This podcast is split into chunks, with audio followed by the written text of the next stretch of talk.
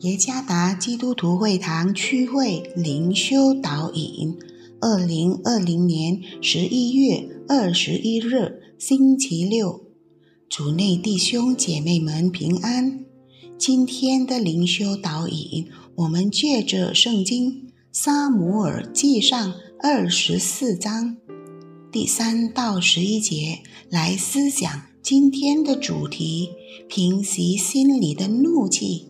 作者谢新荣弟兄，《萨姆尔记上》二十四章第三到十一节。到了路旁的羊圈，在那里有洞，扫罗进去大解。大卫和跟随他的人正藏在洞里的深处。跟随的人对大卫说：“耶和华曾应许你说。”我要将你的仇敌交在你手里，你可以任意待他。如今时候到了，大卫就起来，悄悄地割下扫罗外袍的衣襟。随后，大卫心中自责，因为割下扫罗的衣襟，对跟随他的人说。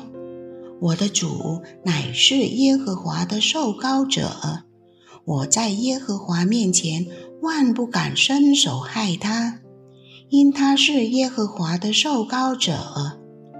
大卫用这话拦住跟随他的人，不容他们起来害扫罗。扫罗起来，从洞里出去行路。随后，大卫也起来。从洞里出去，呼叫扫罗说：“我主，我王。”扫罗回头观看，大卫就屈身，脸伏于地下拜。大卫对扫罗说：“你为何听信人的谗言，说大卫想要害你呢？今日你亲眼看见在洞中，耶和华。”将你交在我手里，有人叫我杀你，我却爱惜你，说我不敢伸手害我的主，因为他是耶和华的受膏者。我父啊，看看你外袍的衣襟在我手中，我割下你的衣襟，没有杀你，你由此可以知道。我没有恶意叛逆你，你虽然猎取我的命，我却没有得罪你。当人们心里发怒时，就会做出各种事情来发泄他们的愤怒。我们可以在媒体上看到各种各样的新闻，有因为始于心里发怒的谋杀案。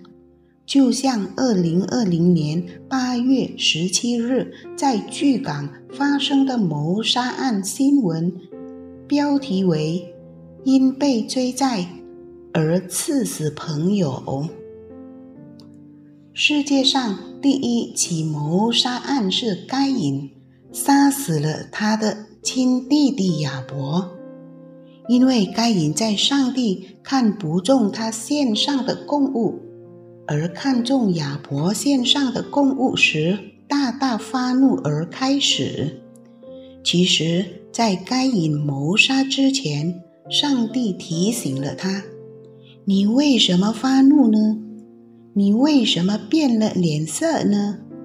你若行得好，岂不蒙悦纳？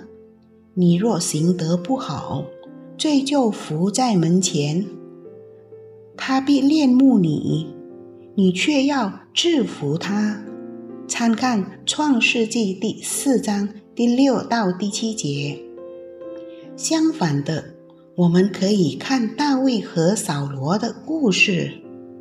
大卫表现了对扫罗王的忠诚，大卫忠心服侍并顺服他。但是，谁会意料？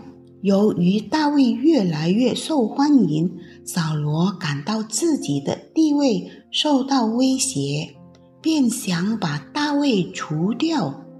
他屡次试图杀死大卫。其实，大卫可以因此而生气、怨恨，并报复扫罗对他所做的事。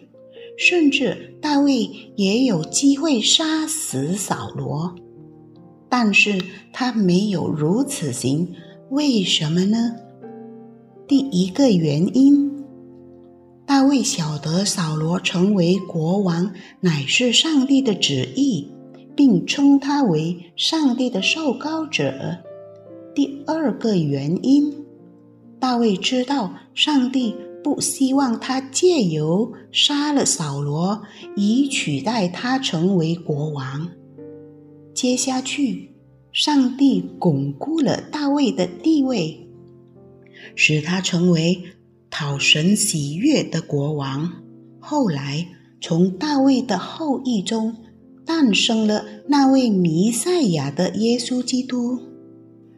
实际上，当某人心里发怒时，会被诱惑用暴力行动进行报复，甚至杀死冒犯了他的人。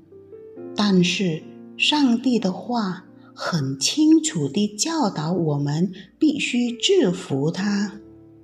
当我们心里发怒的时候，请纪念上帝，并抛开邪恶的意念，祷告祈求上帝的爱充满我们，并使我们有能力饶恕他人。